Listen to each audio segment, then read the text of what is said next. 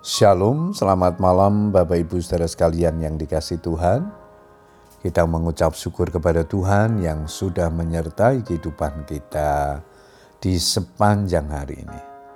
Malam hari ini sebelum kita beristirahat dan menaikkan doa-doa kita kepada Tuhan, saya akan membagikan firman Tuhan yang malam ini diberikan tema Jangan lupakan karya keselamatan Tuhan. Ayat mas kita di dalam Yosua 24 ayat yang ke-27 firman Tuhan berkata demikian. Sesungguhnya batu inilah akan menjadi saksi terhadap kita sebab telah didengarnya segala firman Tuhan yang diucapkannya kepada kita. Sebab itu batu ini akan menjadi saksi terhadap kamu supaya kamu jangan menyangkal Allahmu. Setelah 40 tahun mengembara di padang gurun, akhirnya umat Israel memasuki tanah Kanaan. Semua bukan karena kekuatan dan kemampuan mereka, tapi semata-mata karena kasih, pemeliharaan, dan penyertaan Tuhan, sehingga mereka dapat menduduki tanah perjanjian itu. Kedua belas suku Israel pun telah mendapatkan tanah yang menjadi milik pusaka mereka. Bukan hanya itu, Tuhan juga menganugerahkan keamanan di seluruh Kanaan. Hal itu menunjukkan bahwa janji Tuhan untuk memberikan seluruh negeri kepada umat Israel telah dikenapinya pada era kepemimpinan Yosua.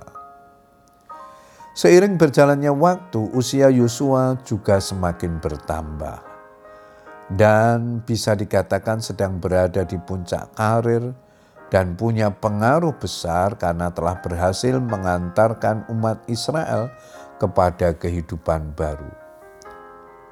Dapat dikatakan juga bahwa Yosua adalah pemimpin yang berhasil dan berjasa besar. Dalam posisi ini kebanyakan pemimpin akan sombong dan bisa saja membusungkan dada. Namun sikap Yosua tidaklah demikian. Ia tidak pernah merasa diri berjasa dan berharap umat Israel menghormati atau menyanjungnya. Tidak ada niat sedikit pun untuk menyondongkan hati umat Israel kepada dirinya. Inilah pernyataan Yosua, Aku telah tua dan sangat lanjut umur, dan kamu ini telah melihat segala yang dilakukan Tuhan Allahmu kepada semua bangsa di sini demi kamu Sebab Tuhan Allahmu dialah yang telah berperang bagi kamu. Yosua 23:22.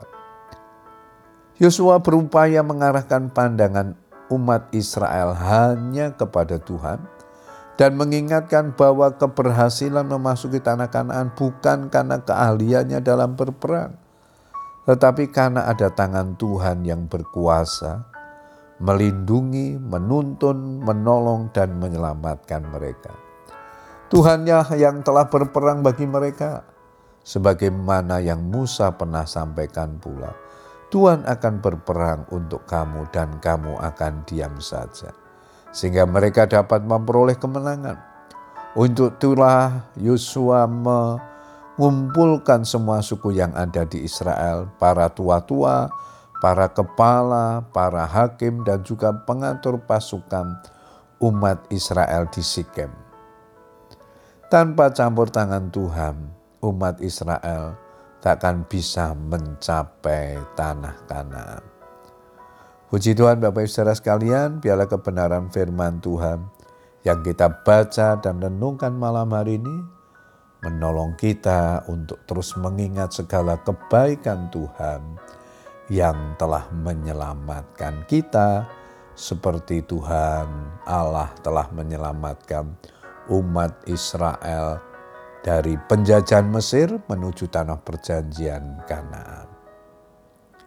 Selamat berdoa dengan keluarga kita. Tuhan Yesus memberkati.